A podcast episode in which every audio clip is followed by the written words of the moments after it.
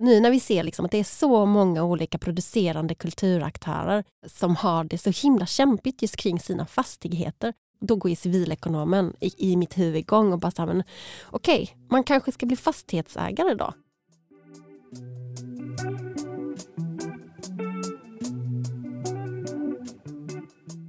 Detta är Malmö Darlings, en podd om en väldigt speciell stad och människorna som gör den speciell. Med mig Jonas Gillberg. Med mig Miriam Olsson Jeffrey. Och med mig Sally Wahlstedt. Och idag så ska vi träffa en person som jag uppfattar som lite av ett hjärta i den här stan och som man stöter på hela tiden och som kanske inte alltid får den cred som hon förtjänar. Vem ska vi möta Sally? Ja, det är dags att träffa Victoria Perkovic Gutierrez. En eh, person som om man inte känner till henne med hennes namn eller hennes ansikte så känner man nog eh, igen i alla fall något av de projekt hon har varit inblandad i. Ett av dem som verkligen fastnat hos mig var ett projekt som hon gjorde tillsammans med en kollega på arkitektbyrån White där de dokumenterade en massa olika stängda dörrar på bottenvåningar runt om i stan. Alltså ställen där det har varit en butik eller en restaurang eller ett eh, eh kemtvätt eller vad som helst och som nu har byggts om till bostäder. Hur visades det projektet? Eh, det var på Instagram som de la upp de här bilderna. Eh, och jag vet att Jonas, du skrev en artikel om det. De gjorde också liksom en, som en fotoutställning ja. av, av de bilderna. Jag minns så tydligt den där eh, artikeln också för att det var bilder där som var från Karlskronaplan där eh, Victoria då själv bodde eh, i sin ungdom och där jag också bodde vid det tillfället. Så jag hade ju själv gått förbi där och tänkt, undrar vad det låg i det där hörnet och det där hörnet. Första gången jag träffade Victoria var också då med Kalle Landin som hon jobbar mycket med. Och de eh, hade gjort den här Sofielunds stadsatlas, vilket ju var ett projekt där de helt enkelt hade kartlagt en hel stadsdel.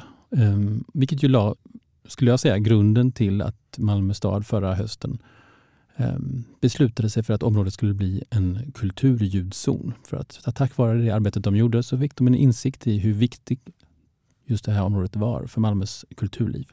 De gick runt och verkligen knackade dörr på vart, vartenda liten dörr som var stängd i hela området för att ta reda på vem finns här, vad gör ni?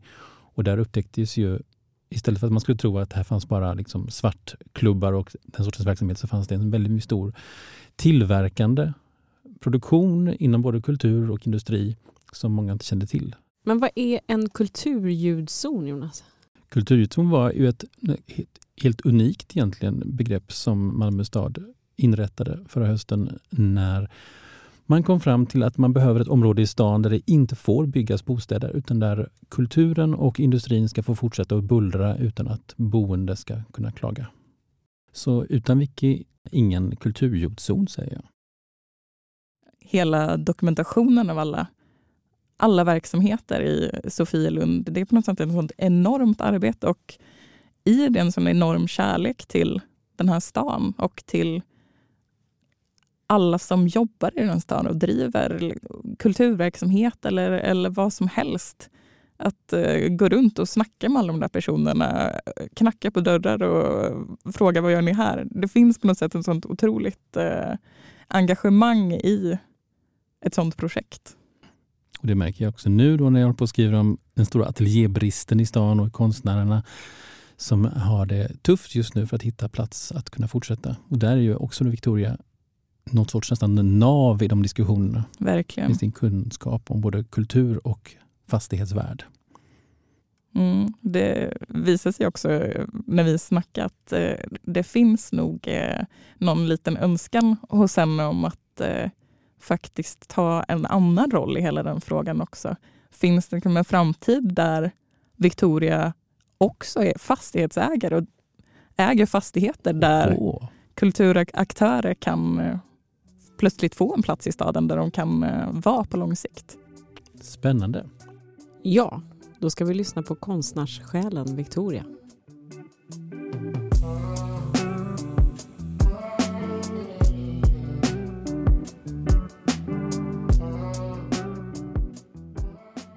Hej Victoria! Hej Sally! Kan inte du berättar, jag tänker att det är väldigt många Malmöbor som kanske har stött på dig eller sett ditt namn i olika sammanhang. Hur, hur brukar du själv beskriva dig för folk du träffar första gången? Eh, alltså jag tänker att det finns många som inte alls har någon aning om vem jag är. Eh, men eh, jag heter Victoria Perkovic Gutierrez. Jag är född och uppvuxen här i Malmö. Och jag har ju ofta många olika hattar. Jag jobbar på ett arkitektkontor som heter White Arkitekter. Och där jobbar jag som processledare med inriktning mot hållbarhet. Och eh, jobbar mycket med eh, ja, var ska staden växa, hur ska staden utvecklas och inte bara Malmö utan olika städer. Och I olika slags projekt, både väldigt små och eh, jätte, jättestorskaliga. Eh, sen eh, driver jag också en liten studio där jag gör konst och kultur och eh, driver konst och kulturfrågor. Skriver en del. Eh, sen har jag haft en eh, ordförande för inkomststyrelse och Inkonst är ett kulturhus mitt i centrala Malmö. Eh, och sen så gillar jag ju liksom att hänga i Malmö och göra saker. Så jag brukar vara igång och göra mycket grejer. Men oftast är det de tre hattarna som man brukar, där jag brukar få prata och tänka och tycka kring. När eh, insåg du att det här var saker som intresserade dig och någonting som du kanske till och med skulle jobba med? Jag har aldrig haft den, den här röda tråden, den här tydliga bilden framåt, utan tvärtom. Eh, jag jobbar ju på ett arkitektkontor, men jag är ju inte arkitekt. Jag är utbildad civilekonom och kulturgeograf senare har jag läst en eh, postmaster på Kungliga Konsthögskolan. Så det har liksom aldrig varit en, en röd tråd på så sätt. Men det, har, det finns liksom frågor som, alltid har varit liksom, som jag alltid har varit intresserad av. Och Det är kanske de som är mer den röda tråden. Och då handlar det mycket om, som, om demokrati och mänskliga rättigheter och rätten att kunna vara och verka i, i städer. Um, och där någonstans finns det en röd tråd. Men jag började ju liksom något helt annat. Och jag började ju min yrkesbana inte ens i Malmö, även om jag är född och uppvuxen här. Ja, för du flyttade från Malmö ändå. Var, var hamnade du då? Är man född och uppvuxen i Malmö, liksom, jag är född liksom väldigt tidigt 80-tal. Eh, och 90-talet i Malmö är inte det Malmö som vi ser nu, det Malmö som vi har sett de senaste tio åren. Utan det var ett rätt tråkigt Malmö. Många pratar om liksom resan som man har gjort från industristad till kunskapsstad. Och det har ju liksom präglat väldigt mycket av, av liksom vår eh, barn och ungdomstid. Det fanns liksom inte så jättemycket att göra och även liksom folk försökte och fritidsgårdarna fanns där. Så var det liksom, ja, mitten på 90-talet var det inte jätte, jättekul. Det fanns lite saker. Så jag lämnade ju Malmö efter att jag tog, eh, i princip, nej, något år efter att jag tog studenten eh, för att plugga någon annanstans. Eh, jag började plugga. Jag pluggade eh, först lite i Lund och sen pluggade jag i Linköping och sen flyttade jag till Buenos Aires och sen landade jag i Stockholm. Eh, och var borta från Malmö i ja, mer än tio år. Eh, men ehm, men det, Malmö utvecklades jättemycket under de åren. Och man såg redan ett frö till det i slutet på av eh, 2000-talet. Då började man att se liksom att folk började flytta hit. Det, fanns liksom, det var tillgängligt, det var billigt att bo i Malmö. Det fanns möjligheter att göra eh, saker. Ehm, så då började liksom det här nya Malmöt att att um, Kulturmalmö, att uh, skapas rätt mycket. Men för oss som liksom hade bott i det Malmöt i många år, var, vi var inte jätte, eller många av oss var inte jätteintresserade av att vara kvar. Så många stack. Men jag tror att många också är tillbaka. Vi ser ju liksom att det blev ju någonting annat. Och sen kom du tillbaka till slut, även om det tog ganska många år innan du flyttade jag hit igen. Mm, jag har ju jag har ju alltid haft min familj i Malmö och eh, jag har två syskon som är yngre. Och eh, jag minns väldigt tydligt att det måste ha varit eh, men, 2005 någon gång där jag, jag hade liksom alltid åkt hem på loven och på, ja, under terminen. liksom alltid åkt och hälsat på. Jag, har mina, jag hade många vänner kvar. Att eh, helt plötsligt så bara var det inte jag som hade någon gästlistplats längre. Jag hade liksom inga gästlistor. Jag hade ingen jag kunde höra av mig till och bara jag vill gå på den här klubben. Utan det var mina småsyskon som hade det. Eh, och då, det var liksom ett väldigt tydligt skifte. Jag bara, okej, okay, det här är något helt, helt nytt i den här staden. Eh, alla vi eh, äldre, äh, men det, det, hade hänt ett skifte. Det var liksom en helt ny klubbscen. Det var, det här, det liksom nu 2005, 2006. Alltså det var något helt nytt som hade vuxit fram. Och det var ju helt fantastiskt att se. Att komma tillbaka. Det var som att komma tillbaka till en helt ny stad. Men då tänkte jag inte att jag skulle flytta tillbaka utan det var liksom sju år senare jag tänkte. Och då fick jag möjlighet liksom att... Eh, jag sökte ett jobb. Lite, jag var rätt klar i Stockholm. Jag jobbade väldigt mycket. Jag reste väldigt mycket. Så såg jag ett jobb i Malmö som jag tänkte, nej, men det här är ju väldigt, väldigt spännande. Vad, vad, tog du med dig hem då från de här eh, åren i Buenos Aires och i Stockholm när du väl flyttade tillbaka? Så jag flyttade ju hem som... Då jobbade jag som managementkonsult på ett stort konsultbolag och var ut, alltså, jobbade som eh, mycket med ekonomi och finansfrågor och hade liksom lärt mig otroligt mycket inom den branschen. Det var ju liksom det var jätte, jättelärorikt att verkligen komma in och förstå liksom hur, stora, hur de stora pengarna funkar, hur hela liksom det finansiella systemet funkar, hur risk funkar. Um, och det som hände var att jag blev um, tillfrågad liksom uppe på, alltså när jag fortfarande var i Stockholm, att titta på ett, ett bolag som ägde väldigt mycket eh, lägenheter i miljonprogrammet. Och um, de hade väldigt svårt att få ihop kalkylerna kring hur de skulle renovera eh, hela sitt bestånd. Och så jobbar jag med det projektet och jag är själv född och uppvuxen i ett miljonprogram här i Malmö. Och då kände jag, shit de här frågorna, det, det här är ju jättespännande. Jag kunde ingenting om fastigheter, ingenting om hus, ingenting om arkitektur eller stadsbyggnad. Jag kunde liksom pengar, både som kulturgeograf och som civilekonom. Men tar man de två grejerna så kan man liksom börja förstå pengar och miljonprogrammet på ett annat sätt och stadsbyggnad. Och då hade ju Malmö precis blivit klart med Malmökommissionen som öppnade vägen för att jobba med de här frågorna på ett helt nytt sätt. Och det såg jag inte i Stockholm. Jag såg liksom att Stockholm jobbade väldigt traditionellt med de här frågorna. Så kom det upp ett, ett vikariat i, i Malmö. Så tänkte jag, nej men det, det är nu, jag får chansa. Så då lämnade jag ett eh, förstahandskontrakt, en fast anställning på det här bolaget och flyttade in i ett kollektiv för en projektanställning i Malmö.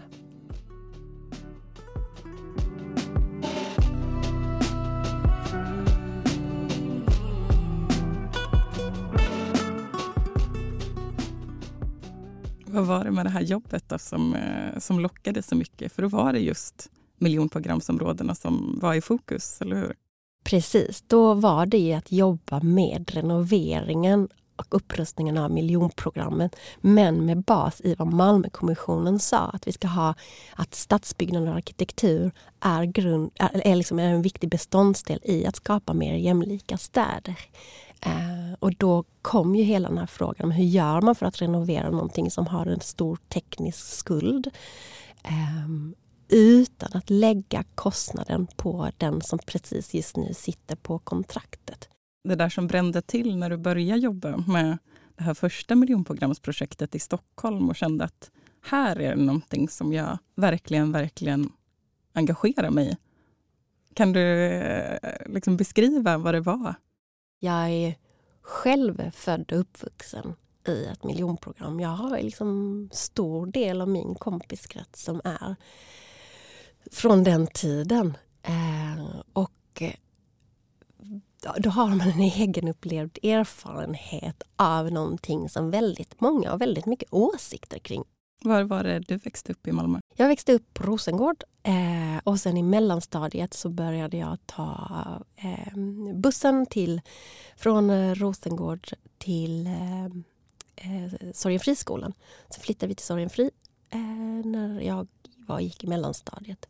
Och eh, mina föräldrar bor kvar på Sorgenfri. Så det är fortfarande någon sorts hemma? Sorgenfri. Sorgenfri är fortfarande hemma. Och nu när jag flyttade hem tillbaka till Malmö så efter något år så skulle man flytta. Så ville, vi, ville jag flytta. Och då eh, flyttade jag till Sofielund. Så jag har ju liksom rent geografiskt flyttat, eh, ja, vad kan det vara, inte ens en kilometer från platsen där jag ändå har levt stor del av mitt liv.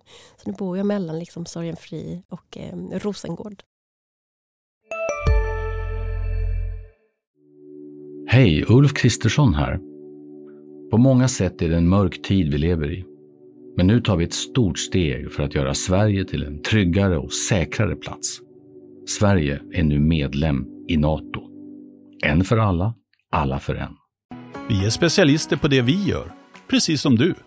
Därför försäkrar vi på Swedea bara småföretag, som ditt. För oss är små företag alltid större än stora och vår företagsförsäkring anpassar sig helt efter firmans förutsättningar. Gå in på swedea.se företag och jämför själv. Nu idag, det här med du jobbar på en arkitektbyrå men inte arkitekt. Hur, hur hamnar man där? Ja, eh, man hamnar där för att man gör saker som är stadsbyggnadsfrågor. Men eh, då, arkitektur och stadsbyggnad är ju frågor som rör så många fler än arkitekter. Alltså hur vår stad utvecklas är ju en jättebred fråga för jättemånga alltså väldigt många olika kompetenser. Och eh, jag, jag jobbade ju på Malmö stad i, många, i flera år och drev eh, de frågorna och arbetade väldigt konkret med liksom, utvecklingen av miljonprogrammet. Och sen fick jag en fråga av att komma till eh, White och eh, jobba tillsammans med arkitekterna. Och det var ju också väldigt fint för att då kunde jag liksom närma mig genomförandefasen. Eh, alltså Malmö stad, kommunen, har ju möjlighet att driva eh, på makronivå. Man kan liksom driva de stora planerna, frågor och liksom försöka uppmuntra fastighetsägare, arkitekter och alla som liksom sen ska ut och bygga, att, eh, exploatörer, att bygga och göra bättre. Men man har liksom inte genomförandet. Genom att börja jobba på ett arkitektkontor kommer jag liksom ännu närmare genomförandet i det.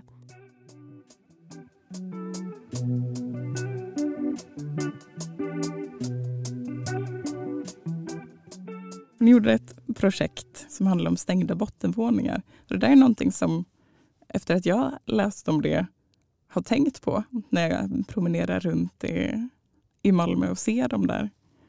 Här brukade det vara en ingång en gång i tiden. Levande bottenvåning är en sån term som används jättemycket inom stadsplanering och arkitektur. Så fort man ska bygga något nytt hus så skriver man att vi ska ha en levande bottenvåning. Det är viktigt. Och Det är liksom kommunens sätt att försöka driva att man inte allting inte bara är bostäder hela vägen ner. Att vi skapar en mer levande stad.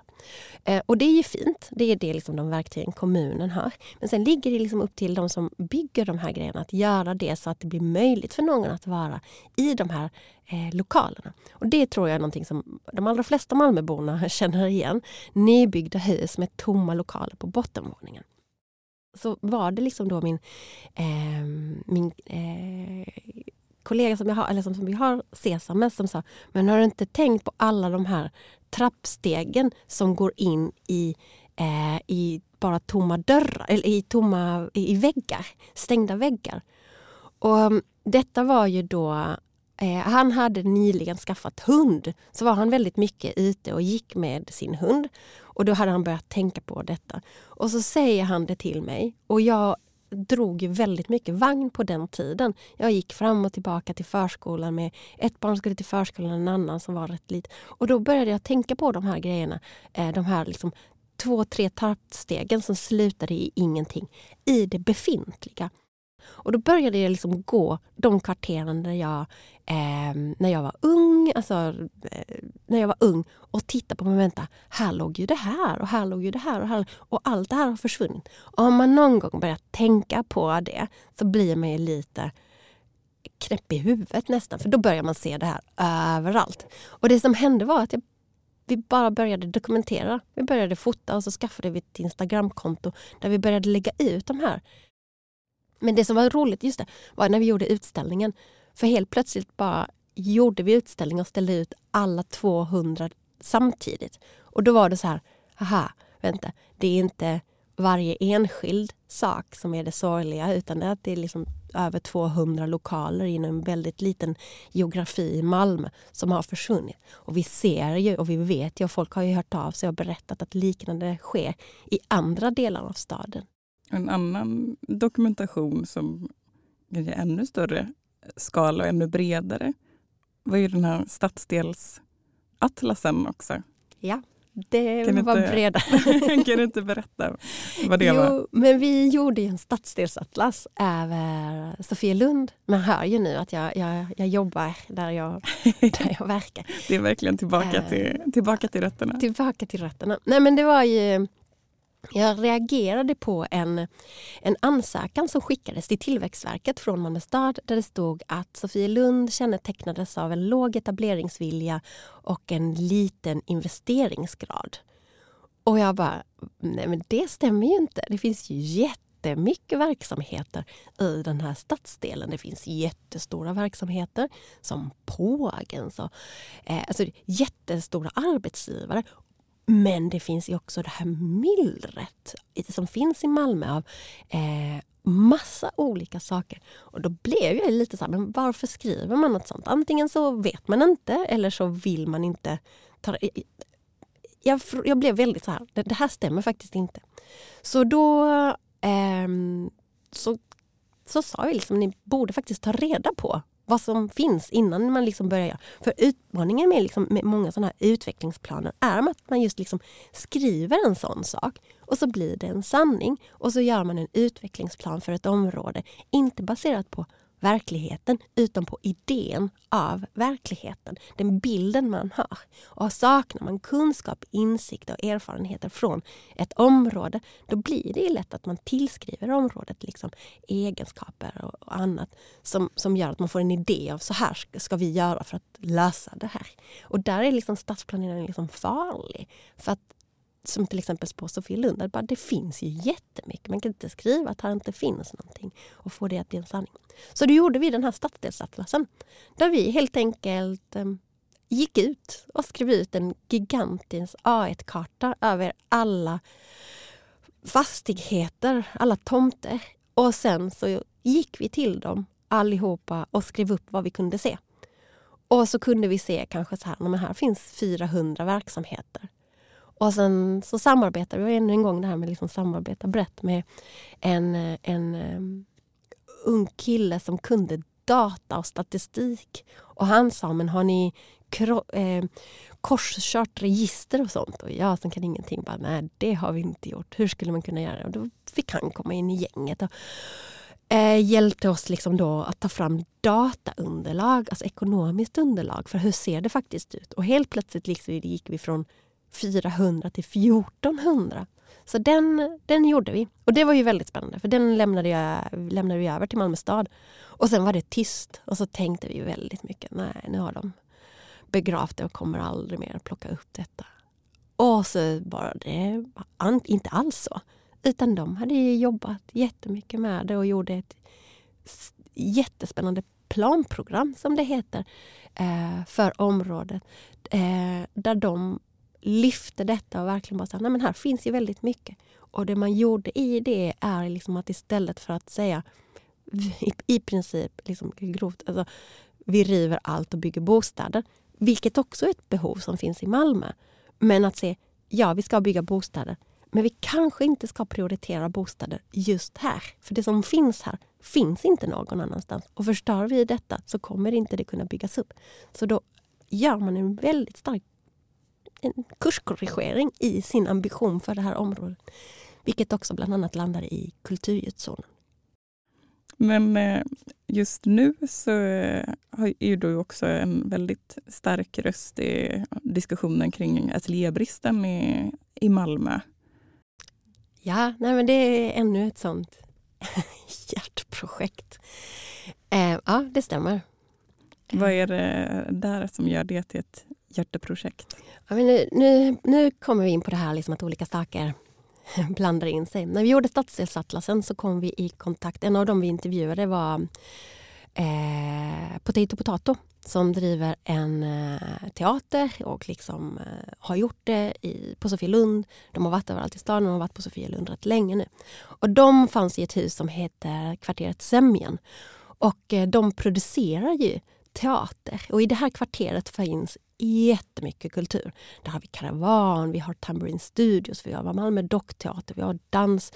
Eh, det finns liksom kultur, det finns ateljéer, det finns jättemycket kultur i det här huset. Eh, och den här, vi intervjuar dem under stadsdelsatlasen och lyssnar på dem och dokumenterar och får se deras fantastiska lokaler som var väldigt slitna och de visar hur det regnar in i deras kostymförråd. Och det här är liksom inte en liten hobbygrupp utan det här är liksom en av Malmös mest etablerade teatergrupper, fria grupper. Och då blir man så här, men hur kan man eh, eh, vad är det för idé om kulturens produktionsplatser vi har när det här är liksom är dåligt? Men vi fortsatte med atlasen och lämnade in den och efter något år så hör Potato av sig och säger bara vi, vår fastighet blivit uppköpt. Kan, kan ni bara hjälpa oss bara titta lite på det? Och då säger jag såklart ja, absolut. Och då visade det sig att de har blivit uppköpta av ett fastighetsbolag som beskriver sig själva som transaktionsintensiva och opportunistiska. Och det är alltså inte jag som hittar på detta, det står på deras hemsida. Och det, då blir man lite så här, oj, oj, oj, vad innebär detta? Och, då, och det är det här som är som, som jag tycker är så himla spännande. För att jag och vi på, på Sesam har ju liksom kunskaper och inom arkitektur och stadsbyggnadsbranschen som kulturbranschen faktiskt inte har. Och det finns inga pengar inom kulturbranschen att ta in dyra arkitekter att hjälpa dem. Så, men detta var ju vänner så jag satte mig på fritiden och började så här, hjälpa dem. Okej, okay, vad är det som händer i er fastighet? Och inte kring dem själva utan vad är det den här fastighetsägaren vill göra? Och då eh, tajmade med att jag var Eh, föräldraledig och tjänstledig från jobbet för att plugga på Kungliga Konsthögskolan. Så då gjorde jag mitt examensarbete kring hela kulturkvarteret, eller scenkonstkvarteret Sämjan. Där jag, vi, alltså scenkonstaktörerna på Sämjan tog fram en, en eh, vision om den här platsen som kulturproducerande plats utifrån kulturproducenterna. Inte i relation till någon fastighetsägare, inte i relation till någon eh, dialog som någon annan har initierat. Inte i, i relation till något utan hur skulle den här platsen vara ifall scenkontaktörerna själva får driva det.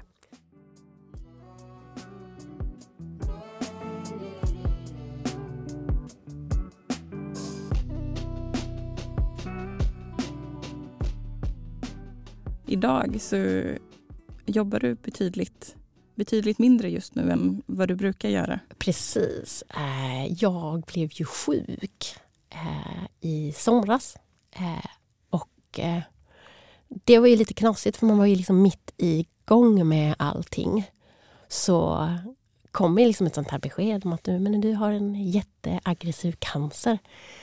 Och då blir det så här, men gud vad ska jag göra? Jag är ju frisk, jag kände ju mig frisk, allting var ju frisk men jag var ju jätte, jättesjuk.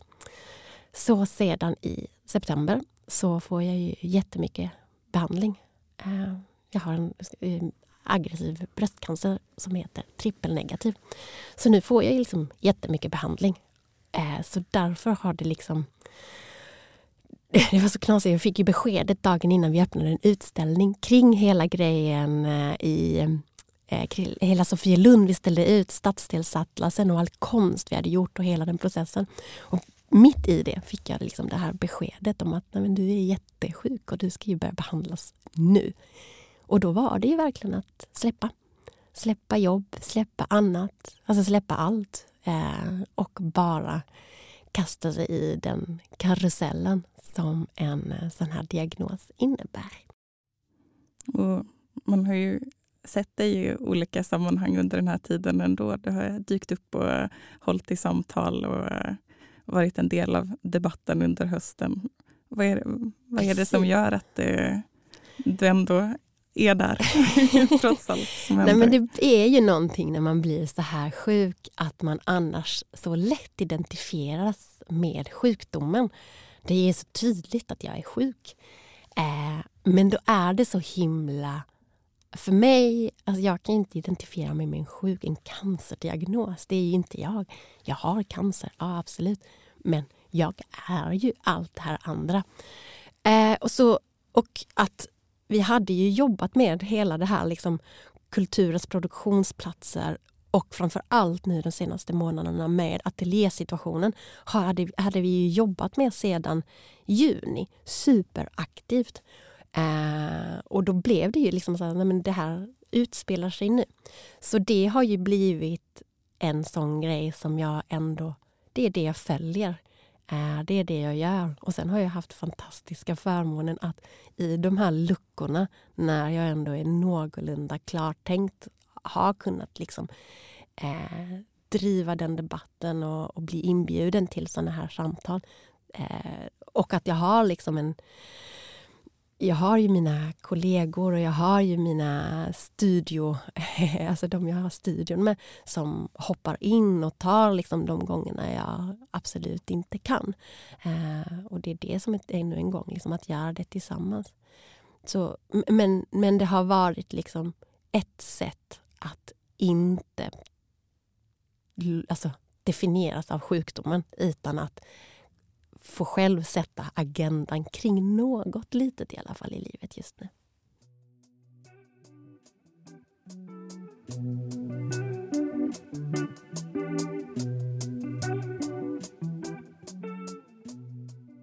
Vad, vad har du för planer då på längre sikt? Nej, men, eh, bli frisk eh, och eh, sen fortsätta jobba med de här frågorna både liksom yrkesmässigt men också på, på fritiden. Och, eh, och frågan är liksom, som, som rör sig i båda de här grejerna, alltså, som är, går igenom är just liksom, hur säkrar vi platser för kultur i staden? Och där har vi roliga eh, idéer. Vad är det? Nej, men jag, jag har ju funderat på, nu när vi ser liksom att det är så många olika producerande kulturaktörer eh, som har det så himla kämpigt just kring sina fastigheter, så tittar jag alltså då, då går ju civilekonomen i, i mitt huvud igång och bara så okej, okay, man kanske ska bli fastighetsägare då. Hur kan vi skapa ett fastighetsbolag som är inriktat på kulturverksamheter? Och då har vi hittat liksom exempel utomlands där man liksom just eh, skapar fastighetsbolag som, som har den här inriktningen för att värna kulturens plats i staden. Eh, så, så, att man inte blir så där så prekär i sitt eh, utövande just för att man verkar på en fastighetsmarknad som är rätt skev. Så det drömmer jag om på längre sikt. Jag saknar bara eh, jättemycket pengar. Så när vi, vi kanske sitter här om, om några år och du har en ny hatt på dig då som är fastighetsägare också. Ja, men alltså, det vore väl drömmigt att få vara fastighetsägare för kulturlokaler. Um, men men ja, det, det, vore, det vore verkligen drömmigt att få göra det, att ha den hatten. Uh, för jag tror att det finns någonting i det. Uh, det är ingen som gör det. Tusen tack för att du ville gästa Malmö Darlings, Victoria. Tack själv för att jag fick komma hit och snickersnacka lite.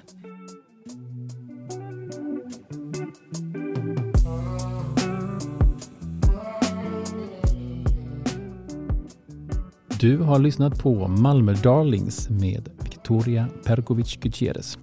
Tycker du att det var intressant att lyssna på så finns det flera avsnitt där poddar finns och du kan också följa Malmö Darlings i din poddspelare. Gustav Wirtén har varit producent och Jonas Kanje ansvarig utgivare. Vi hörs!